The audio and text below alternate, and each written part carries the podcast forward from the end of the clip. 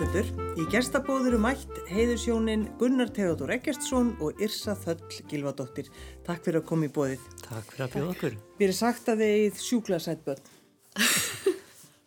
er þetta satt? Já, við hvernig varst að tala eiginlega? Varst að tala við mæður okkar eða? Já, ég er bara frétti af þessu. Jú, finnst það ekki öllum samt? Um börnin sín? Jú, jú, svo sem. En það var sérstaklega að tala um að, að, að þau væru semst eh, með krullað hár. Ah. Já, tvö að þremur. Já, hún, hann reyndar ekki svo elsta sko, hún, hún er eina slétthærða um fjölskyldunni. Hún fekk reyndar krulli átni í amaliskjöf. Ég átti þess að verða eins og hinnir. Emmitt, emmitt, svo hún var ekki út undan. Já, já. Hvar hittust þið? Á ég? Við erum nú alltaf vita svona af hvort öðru. Já. Þú erum jafn gömul. Já, jafn gömul og, og kannast við hvort annað á mentaskóla og fjölskyldur okkar tengjast og þekkjast mm -hmm. um, en þegar við hittumst því að það er náttúrulega, jú, viltu ekki byrja? en það er samt fyndið að segja sko, nokkrum, nokkrum mánuðum áður en að samt ég hitti þig þetta svona örlega ríka kvöld mm þá var samt sýsti mín eitthvað að tala um þig sko, við mig og var eitthvað, já hann Gunnar sýstur sónurinn að Lilju þekkir þú hann eitthvað og ég var eitthvað, já, ég, já en svona var ekki meira pælið og svo svona eftir á höggja var það eitthvað mjög skemmtilegt.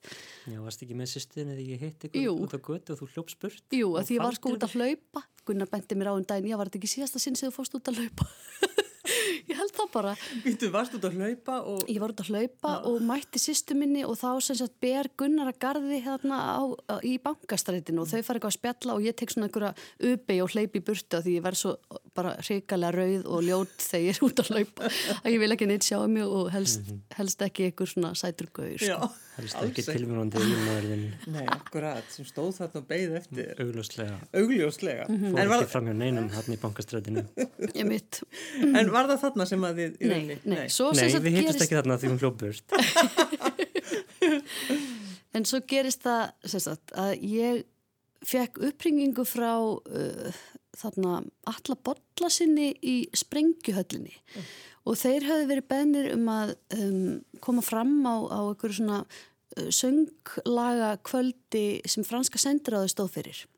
Hann vissi að ég talaði frönsku og að ég syngi og þeir fengu mig sem sagt til að syngja með þeim uh, duett og ég sönga múti Bergi Ebba uh, lægið La Décadence sem var mjög viðiðandi að því ég hafi sérhæft mig í Decadence bókmyndum í Fraklandi um, svona svolítið og, og átti svo eftir að gera meira af því en þannig að ég bara sagði já og fór á æfingu með þeim bara eina æfingu og svo átti þetta bara að vera flutt hús þeimdugum setna eða eitthvað Og allir var líka sagt, kynningastjóri þarna þetta sumar, þetta var svona sumar, kynningastjóri hjá forlæginu. Það sem ég var nýbúin að gefa út mína fyrstu bók, Steindýrin. Mm -hmm. Og hann segir eftir æfingunum, vilti ekki bara koma með mér í hérna parti, er eitthvað sumarparti og við um forlæsins bara kíkir þanga og ég segi nú að ég er held ég á leið í matabót til vinkonum minnar. En jú, ég kiki kannski með stutt bara, gaman, og, þarna, og þar hitti ég Gunnar og... Uh, það var bara eitthvað svona alveg strax, bara svona instant eitthvað aðdraftrafl og við byrjum bara að tala alveg ótrúlega mikið saman og jú, það kvektur glýmir, hann var útgefin höfundur og, og allt það sko. En hann var, þú veist, svolítið svona skrautlegur og með síða dretta og þarna og svo byrjar hann að tala við mig um einhverja fuggla paradísar fuggla sem eru svona skreittir Ég var eitthvað heldingin að paradísafuglum Já, nýbúin að horfa okkur David Attenborough eða eitthvað en, en þú veist, byrja líka að tala bara í eitthvað svona viðunskilningi um sko fuggla og karlkinni sem að svona, sem að svona sperrir sig og, og skreitir sig. Og hvers vegna, þú veist, við kallarnir skreitum okkur ekki meira þegar það er alltaf hlutverk kalldýrana að skreita sig og dansa og vera litrigur og allt það. Já, og að konurna séu meira svona að bara svona velja sér skrautlegustu fugglana og svona. Og þetta var eitthvað svo tákgrænt að þarna var hann svona skrautfugl skrautfugl. Sko, og ég bara með hárið upp í loftið mm. og... og, og með þessari umræðu um, um paradísafugglana varstu þá að reyna við hana? Já, augljóslega. Ég var samt svona ég held að hann hafa samt aldrei beinlýnis viðkenda fyrir núna, kannski. Þú drósta upp úr honum. Jú, jú, augljóslega. Um, en þetta var samt svo förðulegt að því ég ég ætlaði ekkert í þetta, þetta sumakleiði forlagsinn sem er nú ekki haldið lengur ég ætlaði ekki að mæta því að ég þekkti engan sem var að fara og ég veist, hafði farið að náðu með mömmu minni og pappa því að þau voru höfundar á forlæginu og ég hvernig, fannst ég að vera algjör impostor þarna eins og manni finnst nú ennþá einhver leita alltaf sem rítuhundur en ég var einhvern veginn nýbúin að gefa út þessa bók, þessa barnabók, steindirinn og ég ætlaði ekki að fara, ég var búin að reyna að fá vinið mína með bara, hvað, þú veist, það eru veitingar og vín og koma ekki með mér, það vildi enginn koma. En ég var eiginlega hættið að fara. Og svo eitthvað síðustu stundu og þú veist, ok, bara eitthvað aðeins að kíkja þannig að þetta var einhvern veginn auglustlega meant to be og, mm. og, og meðan pýfti símin minn endalist vinkonum mín bara, ert ekki að koma já, í mat? Þú ert leiðileg, þú ert ekki að mæta og hún var svo ótrúlega skilningsrík að hún bara laði matin til hliðar og kom í partíið til okkar Almenni. hún tilbúin mat sko En, en vissir þú að, þarna, að það var eitthvað í gangi? Já, ég held ég að við bara vitað strax sko. Og þetta er þetta mjög skemmtilega kjánalegt að við höfum kynst í, í bókaútgáðu eða svona í forlagspartíi og forlögin og örlögin og það er búin að grínast með þetta í mörg ár sko. Já Forlega ritt kvöld. Já, en ekki alltaf, var ekki alltaf rúsleitt djam í, á þessum kynningarkvöldum? Við förum ekki nánar út í hvernig þetta kvöld þróaðist, sko. við stoppum þess að sögur bara þarna held ég. Já, já. Á meðan vorum enn þó Attenbrú-nótum. Já, meðan vorum enn þó að ræða hérna, náttúrufræði. Og eftir ræða náttúrufræði. Og eftir þetta, þá hvað? þá þurfti Gunnar svolítið að rökkva að stökkva því ég sagði hann fljóðlega að ég var á leginni í dóttasnámi til Parísar. Já, alltaf, annars getur þessi heittust var, voru tónleikarnir, þú varst að spila þetta lag sem að við ætlum nú að einmitt, hlusta á hérna og hérna ég kom bara beint á tónleika. Já, hann var tveim dögum setna þá kom hann að hlusta á mig að syngja með syngja þetta merkilega lag sem mm -hmm. tengir okkur. En svo akkurat þetta, eh, ég er frætt til Parísar, hvað ætlaðu að gera? Já. Svolítið þannig. Já. Já, og ég, ég hefði ekkert, ekkert betra að gera. Já.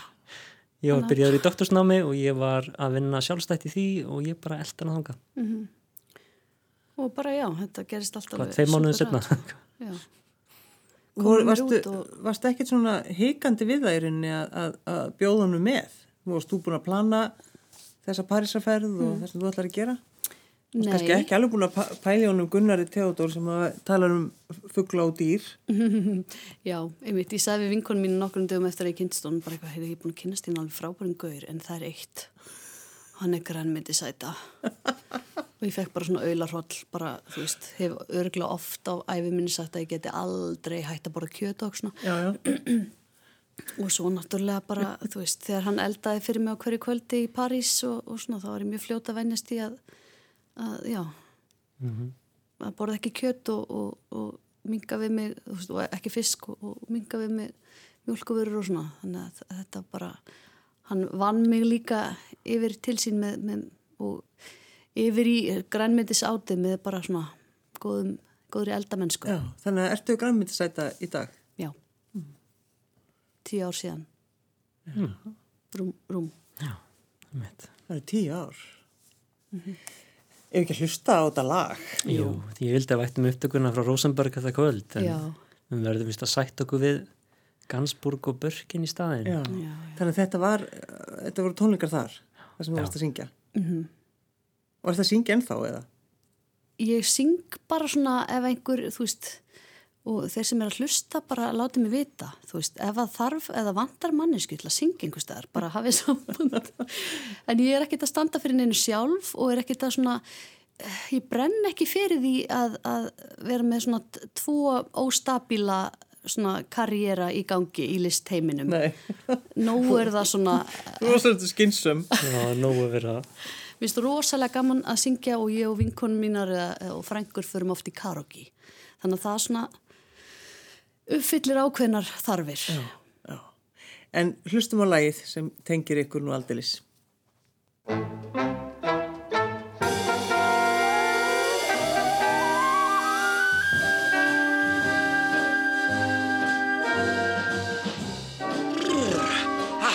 nice. Now we're inside. Did you have a good time tonight, Carmen? Oh, I had a wonderful time, Sam. Well, good. Well, I figured it'd be so much nicer here than outdoors, you know, where the fireplace is going. It's nice, it's cozy, it's warm and nice. Ah, uh, yeah, I really can't but stay. baby, it's cold outside. I've got to go But away. baby, it's cold outside. This evening has Been been, hoping that you drop in. so very nice. I'll hold your hands there just like My ice. mother will start to Beautiful, worry, what's your and hurry? father will be pacing the floor. Listen to that fireplace So roar. really, I'd better scurry. Beautiful, please don't hurry. Well, maybe just a half a drink more. Put some records on while I The neighbors might But think, baby, it's bad out there. say, uh, what's No in this cabs drink? to be had out there. I wish I knew Your how eyes are like starlight to now. break the spell. I'll take your hat, your hair looks I swell. ought to say no, no, no. Mind if I move in closer? At least I'm gonna say that I tried. What's the sense of hurting my pride? I really can't Oh, stay. baby, don't hold out. Ah, but it's cold outside. Dum, what da do. Now that's nicer, isn't it? We got the magazines all put away. We're all comfy and warm and. Well, Carmen, now. Uh, uh, I simply must But go. baby, it's cold outside. The answer is no, Sam. but baby, it's cold outside. the welcome has How been lucky that you dropped in. so nice and warm. Look out that uh, window uh, at that My storm. sister will be suspicious. Gosh, your lips look delicious. My brother will be there at like the door. waves upon a tropical shore. My maiden aunt's mind is Gosh, vicious. your lips are delicious. Well, maybe just a cigarette more. Never such a blizzard before. I've got to get but baby, you'll freeze out there. Sam, uh, lend me your comb. But up to your knees out there. You've really been I thrill when you touch my hand. But don't you see, How can you do this thing to me? there's bound to be talk tomorrow. Think of my lifelong At sorrow. least there will be plenty If you caught pneumonia and I died, really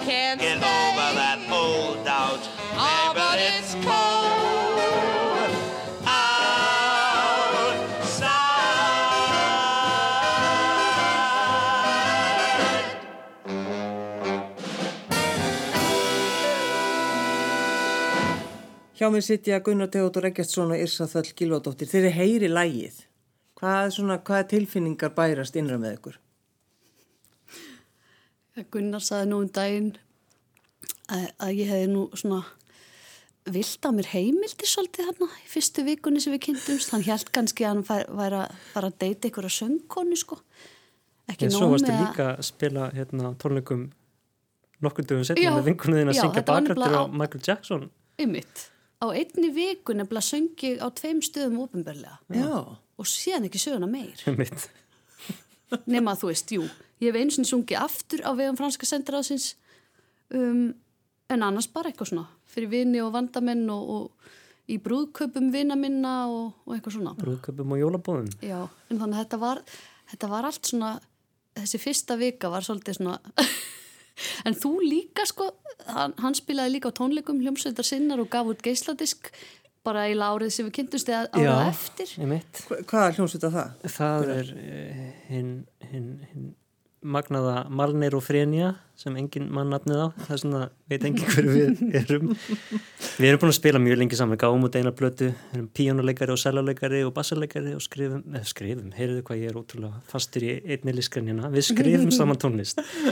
Við spilum það sem við kallum kammerpunk, sem er svona, svona óhljóða tónlist á, á, á strengi og píjónu. Mjög kvikmynda tónlistaskotin. Já, já, já. Við höfum verið svona með tónleika á tvekja ára fresti og Já, þannig að við byrjuðum saman á algjörlega röngum fórsendum. Það er það sem ég ætlaði hann, hann, hann um, held sko. að hann var að byrja með söngkonu Já. og ég held að ég var að byrja með rockstyrnu. Já, nákvæmlega. En þegar þið flytið til Parísar og, og farið að búa saman, það eru, hvað, það eru bara nokkru mánuðir það ekki, mm -hmm. þeir eru bara nýbyrju saman Já. og þegar þið svo þurfið að fara að kynnast, hvernig gekk það? Það gekk nú bara ansi vel ótrúlega vel sko og ég meina við vorum voru bara út af fyrir okkur þarna sko, ég Já, þetta var bara, lærði voru litla fransku þessi tvö ár. Einmitt, ég var ekki nótulega að læra og Gunnar kannski ekki heldur. Og við keftum okkur bók sem hétt Best Places to Kiss in Paris. Og vorum líka með svona regla maður þurfti að kissast alltaf ef maður lappaði yfir brú. Og það er ansi, ansi marga brýr þarna yfir signu.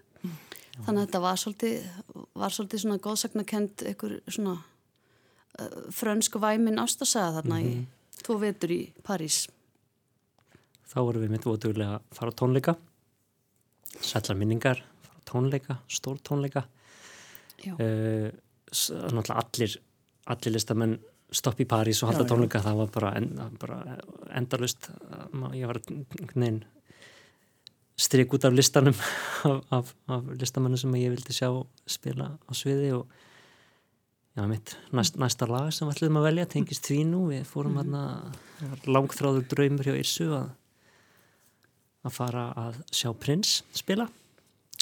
Og eh, við fórum að sjá hann hvað var ekki, Statu Frans hann var, Jú, hann var vist svona örlítið bjart sítnvist og góðu með sig að velja stærsta tóningastað Fraklands held ég.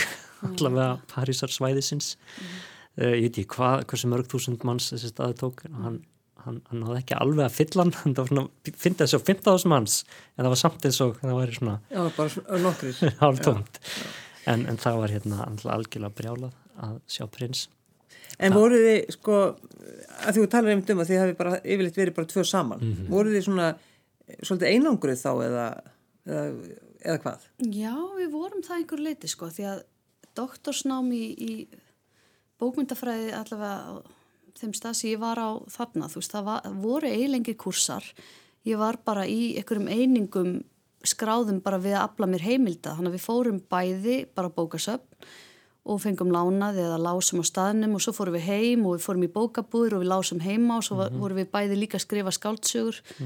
Og uh, þannig að þetta var voðalega mikið bara við heima, við á bókasöfnum eða við út í bæ og svona af og til jú að hitta eitthvað fólk um, aðra Íslandinga eða uh, annað fólk sem við þekktum í hverfinu og svo kannski nokkra franska vini mína en alls ekki marga. Og ég svona hafi verið í, í bjánámi nokkrum árum áður og þar umgekst ég, þú veist, miklu meira svona bekkjarfélagana mína og svona skólafélagana og þarna var það bara ég var búin að missa, þú veist, kontakt við marga, margi flutti burt og svona þannig að þetta var voða mikið við í, í ykkur svona, ykkur bublu. Já.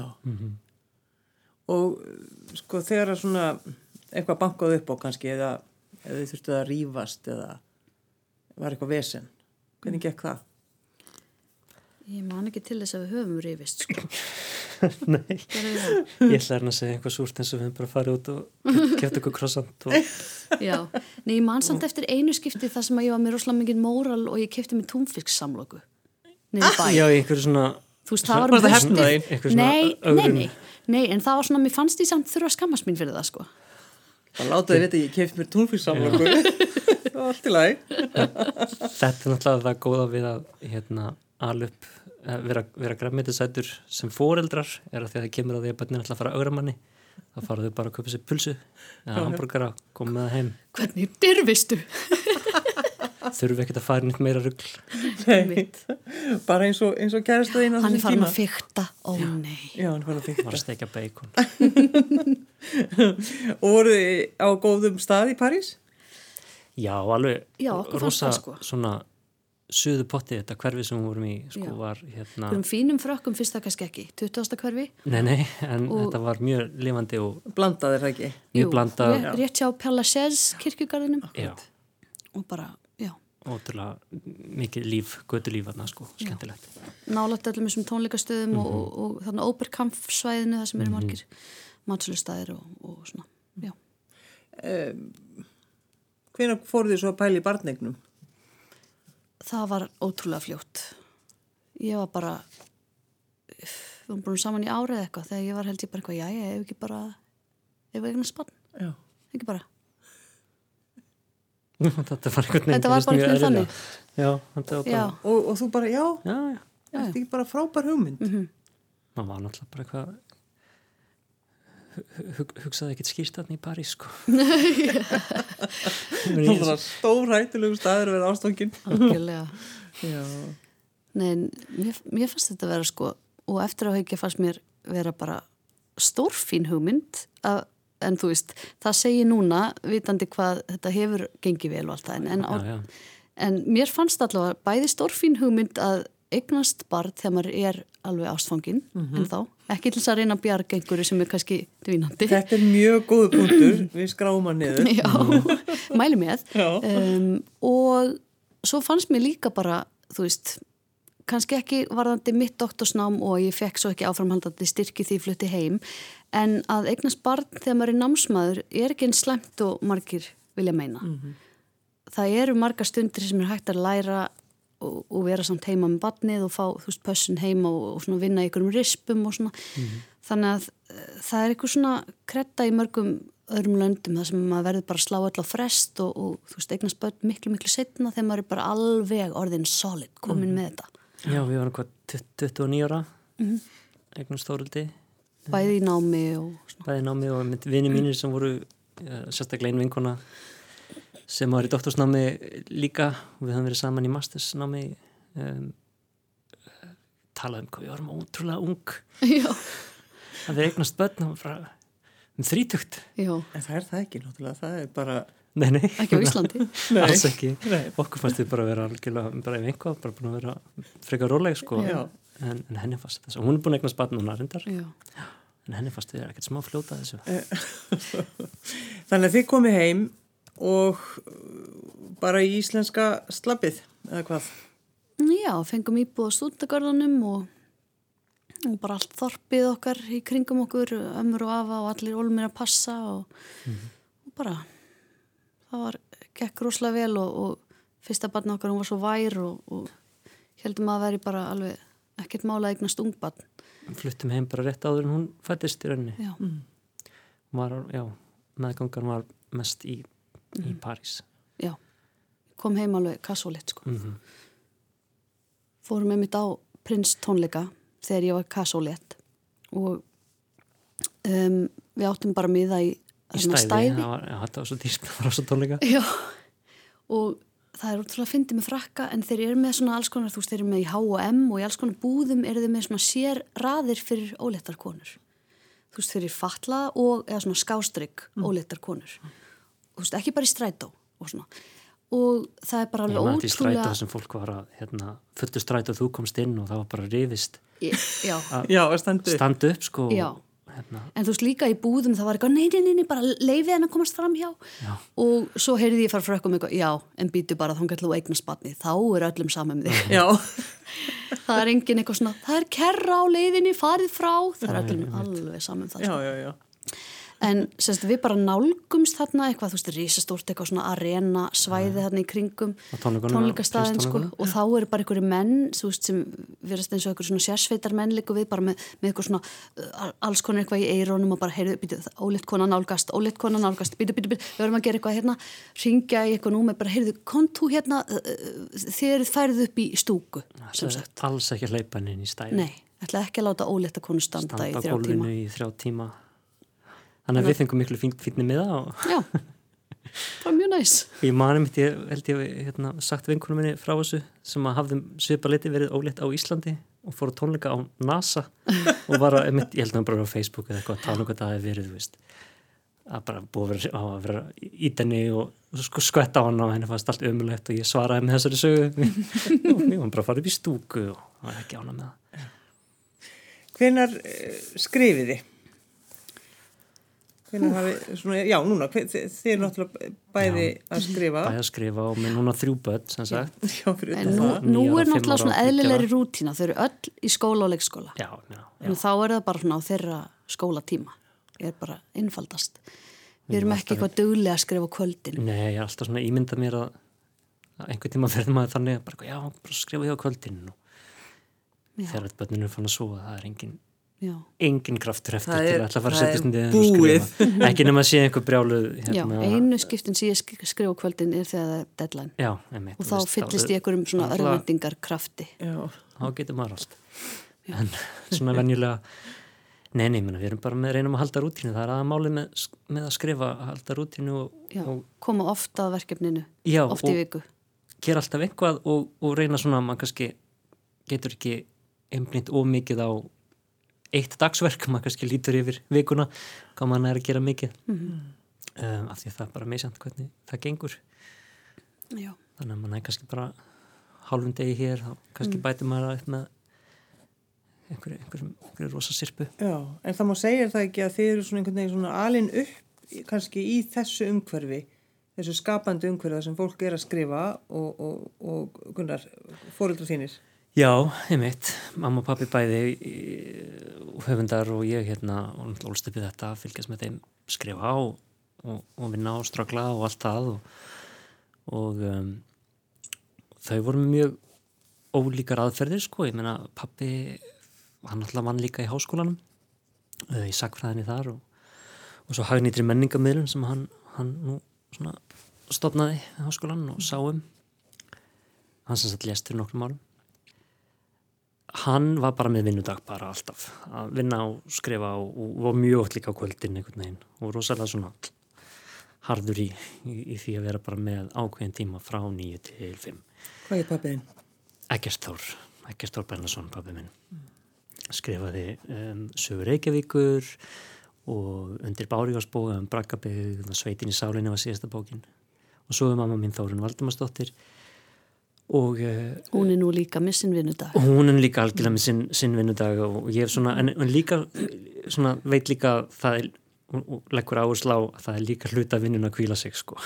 Já, það er mjög mikilvægt og ég hef svona reynd að reynd að haga, haga mínum vinnu stíl eftir þeim báðum og, og taka hitt og þetta frá þeim bara. Hefur fólk sagt þér að hvað ert líkur honum, pappaðinum? Já, ég er ennþá fólk sem grýpum út á götu og, og, og bendir á það sko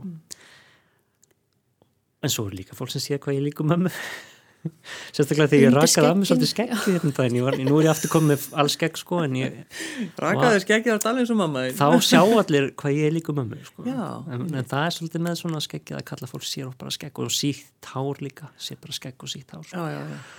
Nei, nei, ég, ég líkur þeim báðum en, en já, já það er alltaf gaman að heyra það þegar fólk grýpur mig og hérna einhver þekkti röddina mínum daginn fast ég svo tali svo pappi það fyndið.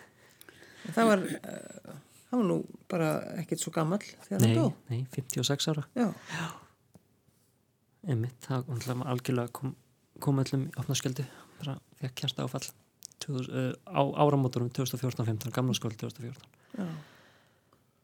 og hérna Því líkur dagur. já, það var að rosalegu dagur já, einmitt Þetta sérstakt. en bara einhvern veginn uh, bara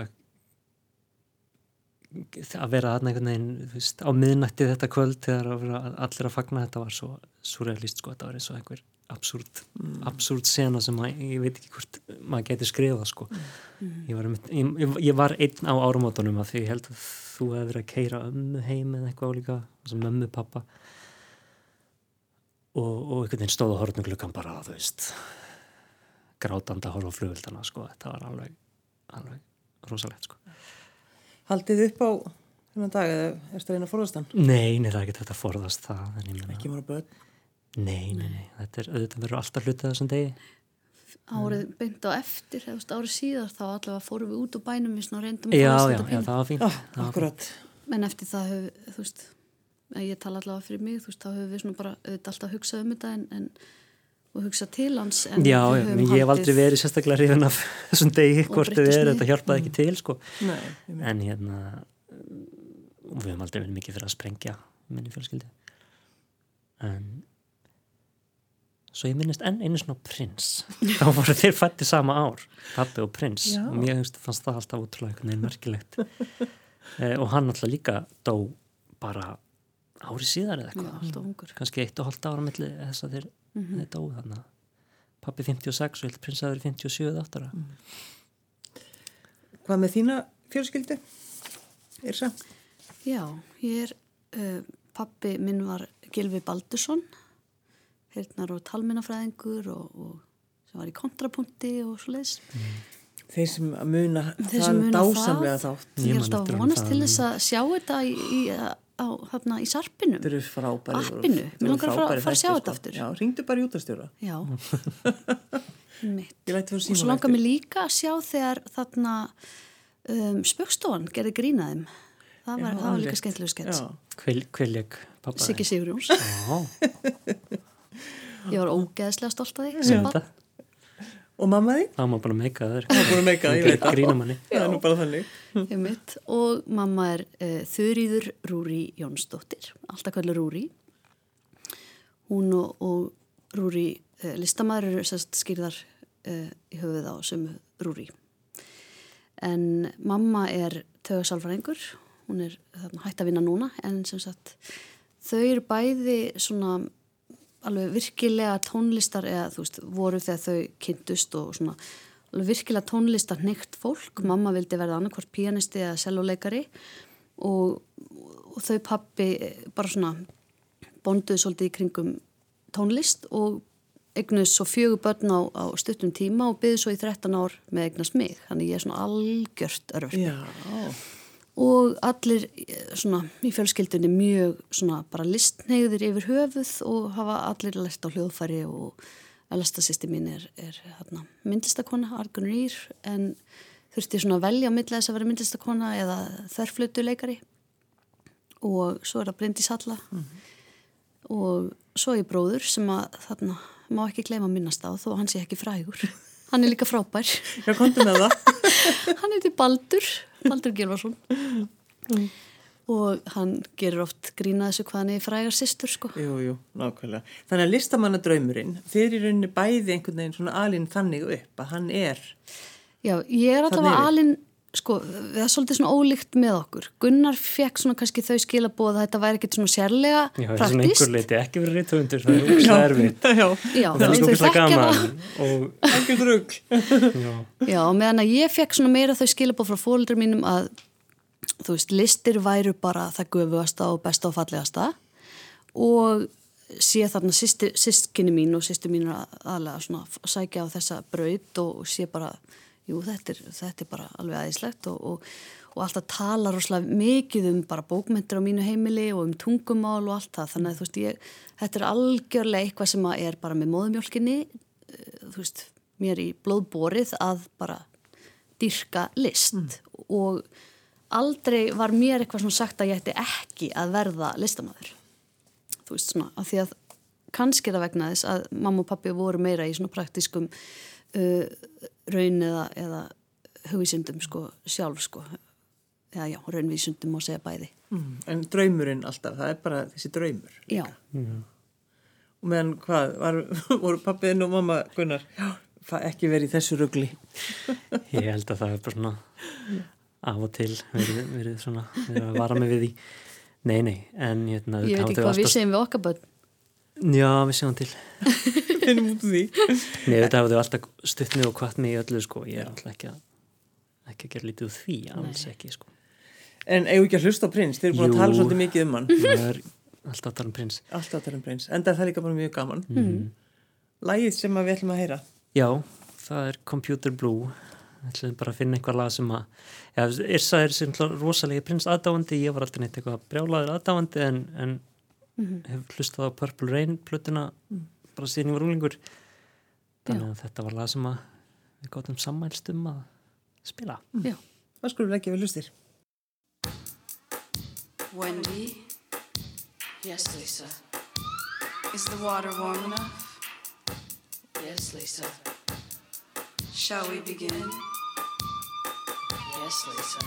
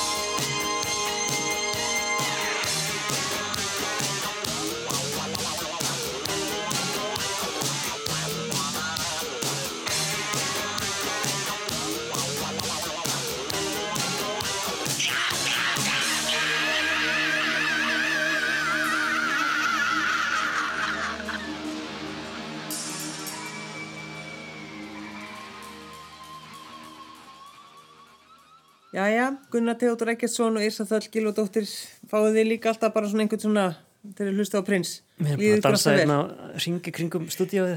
Já, rosa stuð alltaf á okkur hérna. en að því við erum búin að vera að tala um, um þetta sko listina og, og þessi draumur að gefa út. Hvenær til dæmis, Gunnar, þín fyrsta bók? Já, fyrsta sem ég gaf út var enda smásaga sem ég skrifaði 2005 um, sem var svona jóla jólarhóllvekja svona morðsaga um jólasveinana.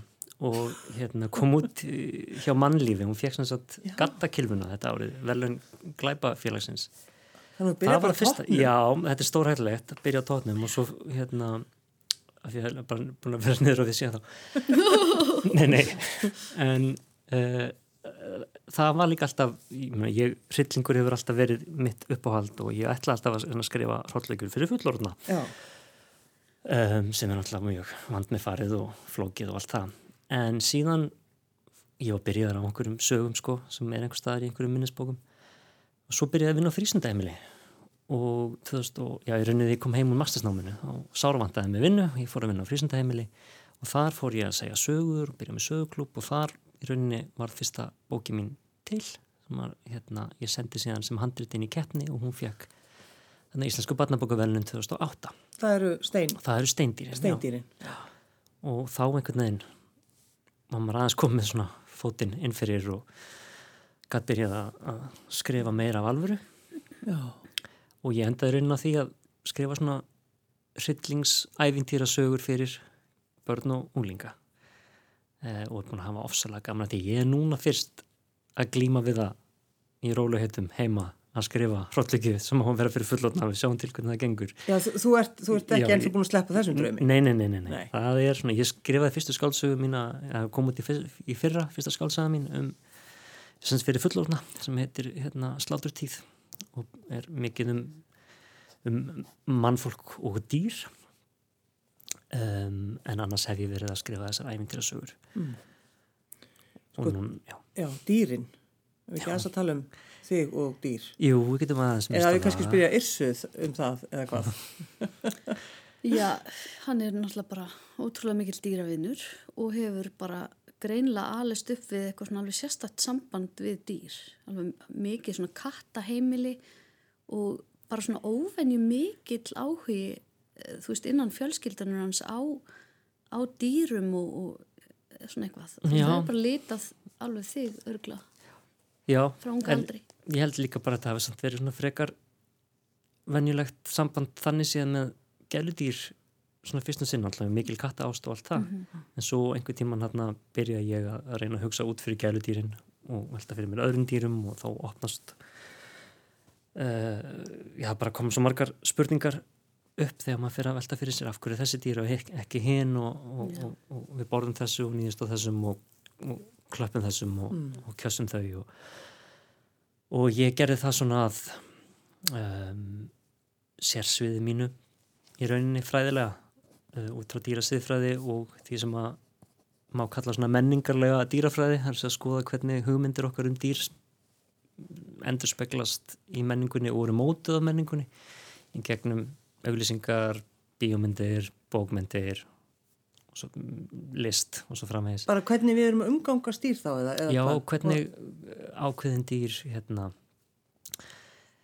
Njóta verðingar. Já, til dæmis hvernig forgangsröðun verður til um hvaða dýr njóta virðingar og, hvaða dýr ekki uh, sérstaklega hef ég skoðað uh, dýrasögur eða að, aðal sviðið mitt hefur verið dýrasögur þar sem að dýr eru aðalpersonur af því dýr í listum eru mjög sjaldan aðalpersonur, þau eru oftast manngerð eða, eða tákra fyrir eitthvað annað en sjálf sig og svo framvegis Þannig að þú er búin að skoða dýr sem eru aðalpersonur þá ertu að tala um hvað eins og kontu nefndu dæmi.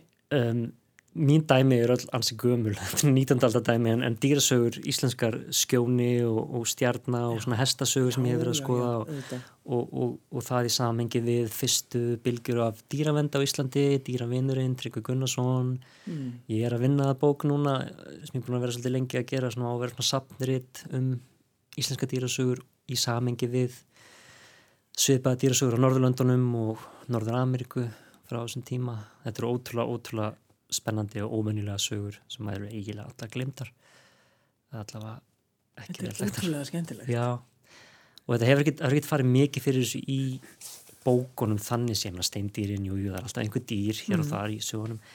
En þessi skálsa hann slátur tíð fjallar bókstala um dýravendunar konu sem að lendir í fangilsi og heimildamindi gera mann sem er hann að komast að eitthvað varðum hana því að hún hefur ekki, hefur ekki sérst til hennar eða spurst til hennar eftir hún slapp út. Þannig að það er svona dýravend gerða af algjöru miðju efni en, En- það er mér já, Já, mjög- þannig að þetta er svolítið svona, þú uh, þú losnar ekkert við þetta. Nei, nei, þetta er orðið alveg uh, hefur verið höfðrætni hjá mér bara síðan allavega síðan 2003 þegar ég byrjaði svona fyrsta skipti í alvöru að pæla í þessum málum. Verður þér þreytt á í stundum þegar hann er að tala um þetta? Nei, Ég talaði rauninni frekar Nei, lítið um hann þetta. talar mjög lítið um Þetta er mest svona ég við tölvuna. Já. já. Nei, við líka, þegar við erum að skrifa eitthvað svona heima og kannski, þú veist, bæði heima á sama tíma að skrifa, við erum ekkit alltaf að koma að trubla hvort annað nei, nei, og nei. eitthvað svona, já, já, ég var nú að skrifa þetta og hvað finnst þér?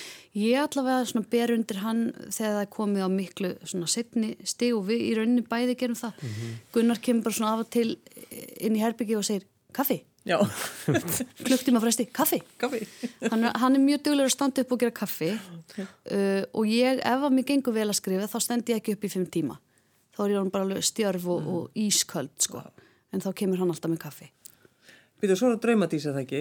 Jú. Hún er að koma, það er þrýleikurinn. það er sem sagt eh, síðasta og nýjasta bókin í sögunum um Dísu sem eru svona meiri unglingabækur eh, fyrir eldri krakka allavega og er eh, ævintýri sem byrjaði 2015 með draugadísu. Og svo kom Galdradísa og núna draumadísa. Og þetta er svona fyrsta bókin byggði þetta er þetta er eldri en steindirinn ég byrjaði á þessari sögu áður en ég byrjaði á steindirunum á, á, á ein- einhverju leiti og þetta er svona dísa hefur fyllt mér svolítið lengi byggjar á sjálfum mig þegar ég var unglingur og, og einhver svona. Um, en svo þetta fer hún yfir í brjálaðan æfintýra heim uh, og nýja bókin. Á þess að ætla eitthvað að fara mikið út í hvað sögutráð en hún gerist löngu á eftir síðustu bókum þannig að það er rauninni komna nýjar aðapersonur hún, hún, hún, segir líka alveg nýja sögu. Uh, en Dísa er þarna ennþá orðin töluvert uh, öflug og, og, og óvenjuleg stúlka. Já. Ég veit ekki hvernig- já. Nei, það um það er búið erfitt alltaf að tala um það en, en ég, þetta er búin, ég er búin að hafa ofsalega gaman að því að skrifa þessar bækur og, og hérna og vera og alveg frá steindýrunum sem var svona fyrir ég er búin að lesa steindýrin og framaldi henni fyrir stelpun okkar sem er núna nýjára svo einhvern veginn urðu bækurnar alltaf flóknari og flóknari og, og, nýja bókinni sem segir mesta unglingabókin í rauninni eða ungmennabókin og, og, og ég hugsa að ég fara að lesa draugadísu fyrir hana bráðum Það fer að koma að því. Já. Hvað með þig, Irsa? Hvað er að koma út hjá þér núna? Já, ég er með þrjár bækur það er svolítið skemmtilegt að segja frá því kom ekki út eftir með bækur stundum nema á þú veist, sjö, sjö ára fresti og svo núna koma þrjár en ég er með skáldsögu sem heitir Strendingar fjölskyldu líf í sjö töktum og uh, er um sagt fjölskyldu þar sem að sjö uh, skiptast á að segja uh, sína sögu, sitt sjónarhorn og all, allir tala frá einn hjarta og um, við fylgjum með þess að hálfu, hálfu ári í lífi þeirra og það er bæði sagt, fólk á okkar aldri og, og um, uh, gamall uh, faðir, uh, sagt, maður um áttrætt og svo eru unglingur, sex ára barn, ungbarn og köttur, allir fá orðið. Hmm. Og Meir segja kötturinn. Meir segja kötturinn, já. Þannig að það er uh, skáldsað sem ég er búin að vera með í smíðum núna í, já, tvö, tvö, þrjú ár og, um, og svo fekk ég hugmynd bara fyrr á þessu ári, bara í janúar, eða já, í upphafi árs, um, sem var svona inspirirð af, af uh, bókum sem að uh, dóttir mín hafi verið að lesa þegar við byggum út í Svíþjóði hitti fyrra. Og þar var svo mikið samt til á svona léttlæstra bókum sem að voru uh, svona serjur og hún alveg gliftið í sig og lærði eiginlega sænsku bara á þessum bókum sem voru uh, sem sagt, byggðu, það er til alls konar serjur, þú veist, svona um einhverjar einhverja drega og rittara og svo um einhverja stelpur sem elska hesta og eitthvað, en þessi sem að svona kveikti mest í henni sem var svona bara mjög svona uh, hverstagsleg, uh, hverstagslega sögur af öllum krökkunum í einum bekk. Og svo höfum við bekkjamynd eða svona mynd af öllum krökkunum og, og, og hver saga er um einn bekkjarfélag mm. og smám saman púslast saman einhver heldar mynd þannig að ég bara fekk hugmyndin að, að gera eitthvað slíkt sem að sem sagt, væri frumsamið og gerðist á Íslandi væri ekki þýtt og staðfært heldur bara hreinræktað íslenskt og, og um, já, ég hef vunnið líka á frísnundaheimili og, og þú veist, barni mitt er á þessum aldri, þú veist, þannig að maður svona til þess að hafa einhverja insýn inn í, inn í þetta svona hverstas líf svona 6 til 10 ára barna eða eitthvað svo leiðis. Þannig að þær heita Bekkurinn minn, uh, fyrsta bókin heitir Prumpusamloka og önnur bókin heitir Geggjað ósangjant. Mm. Góðu til. en er Prumpusamlokan græmitis eða ekki? Já, einmitt. Það, það, það fylgir ekki sögunni. Það verður hver og einn að gera það upp fyrir sig. Okay. Hvað það þýðir, sko. Já, einmitt. en þannig að þetta er bara ótrúlega skemmtilegt verkefni. Þannig að nú er ég búin með, eða þú veist, komnar út tvær sögur og næsta ári kom út tvær til þrjár, mögulega fjórar og svo bara næstu ár heldur þetta áfram að komin þangar allir 16 í bekknum eru komin með sína sögu. Mm. Hvernig parti ætlið að halda hjónakorðan? Oh, þegar það má. Nú er ekki takt að fara á eitthvað eitthva fyllir í einhver staðar hjá útgefanda. Nei, einmitt. Við verðum bara að tala um náttúrufræði heima. Já, horfa bara á paradísafugla, hlusta megas. Uh, við hérna, einmitt með mín bók kom á, já, bekkjabækunar komu náttúrulega í sömur. Já, það kom í ágúst. Já, í ágúst. Svo kom mín bók núna í oktober og ég var þá einmitt að svolítið fresta því að vera með útgáðuhófum fyrir draumadísu af því vorum að vonast til að við getum þátt samend útgáðuhóf þegar strendingar kemur. Já, og svo bara skattur þetta á. Og... Við erum að með eitthvað, eitthvað Facebook party bara eins og allir og svo. Við fluttum nefnilega í sömar fluttum við á þarna e, í hús við borgarstíin sem að heiti líka millistígurinn hana í framnisvegin. Framnisvegin. Þannig að við sáum svona alveg fyrir okkur að við getum bara haft parti þar. Parti já, út í já, garði og og eitthvað. Sko. Þetta er bara alveg glada. En þetta býður allt betri tíma. Já, já. Hvernig er tilfinningin hjá okkur einmitt þegar að þetta er komið svona, bækunar eru komnar út? Hvernig er svona, er, alveg, er þögn og er neitt að spretta upp og, og bjóðast þess að gefa væðir kaffi? Jú, jú, jú alltaf, eiliflega. já, en... en bækund er náttúrulega bara farnar einhvert floknar frá seyrinu og, og maður veit þær eru að Já, þetta er skrítin vertið sko maður bara lifir á samfélagsmiðlum og, og þar sko að maður er búin að fylgja einhverjum höfundum eða forlegum þá sko sér maður bækur og höfunda og, og, og svoleiðis popp upp alveg út um allt og þannig að maður er alveg með bækur á heilanum mm. og sér allar þessar spennandi bækur sem er að koma og svo er ég að skiptast á bókum og kaupa bækur og lesa þar að höfunda og svona þannig að hvað mig varðar þá finnst mér bækur vera út um allt mm -hmm. Ekki að sé skortur á því þess, þetta haustið en maður lifir samt líka í einhverju bara svona síndar veruleika eh, svona ymitt búblu sko og en þú veist, ég veit ekki hvort þetta er að koma verð út eða jafn vel út og, og þú veist, ef það er eitthvað svona partívertíð en mm. þetta er óneitanlega svolítið skrítið, allir bara baka tölfur og, og síma að kynna sér alla útgáfuna. Já, en nú Gunnar, nú höfðu þú tækifæri til að halda frá að skrifa listaðin um lægið It's Baby It's Cold Outside. Já. Bara svona til að lýsa þér svona hvernig þú týpað ert segðu okkur frá því áður en ég kveð ykkur. Já, um, þriðja lagið sem við áttum að koma með hérna einhvern tíma fyrir mörgum árum fekk ég æði fyrir læginu Baby It's Cold Outside og fór að sapna eins mörgum útgamaði og ég gætt fundið uh, og endaði með einhver 30 laga playlista af, af ólíkum útgáðum Þetta verður ekki verið mikið í spilun sko, í heilsinni sem Nei, diskur á heimilinu. Ég er ekki í hirtintól þegar ég fyrir að hlusta þetta alltaf. Það er því svipin, alveg. Þetta lag aftur. En við höfum svona leikið okkur að ég að syngja þetta lag í jólabóðum saman, mm -hmm. sérstaklega þarna fyrst þegar hún er bara að kynast og hún var að reyna að mitt sérmir alla fjölskyldina. Já.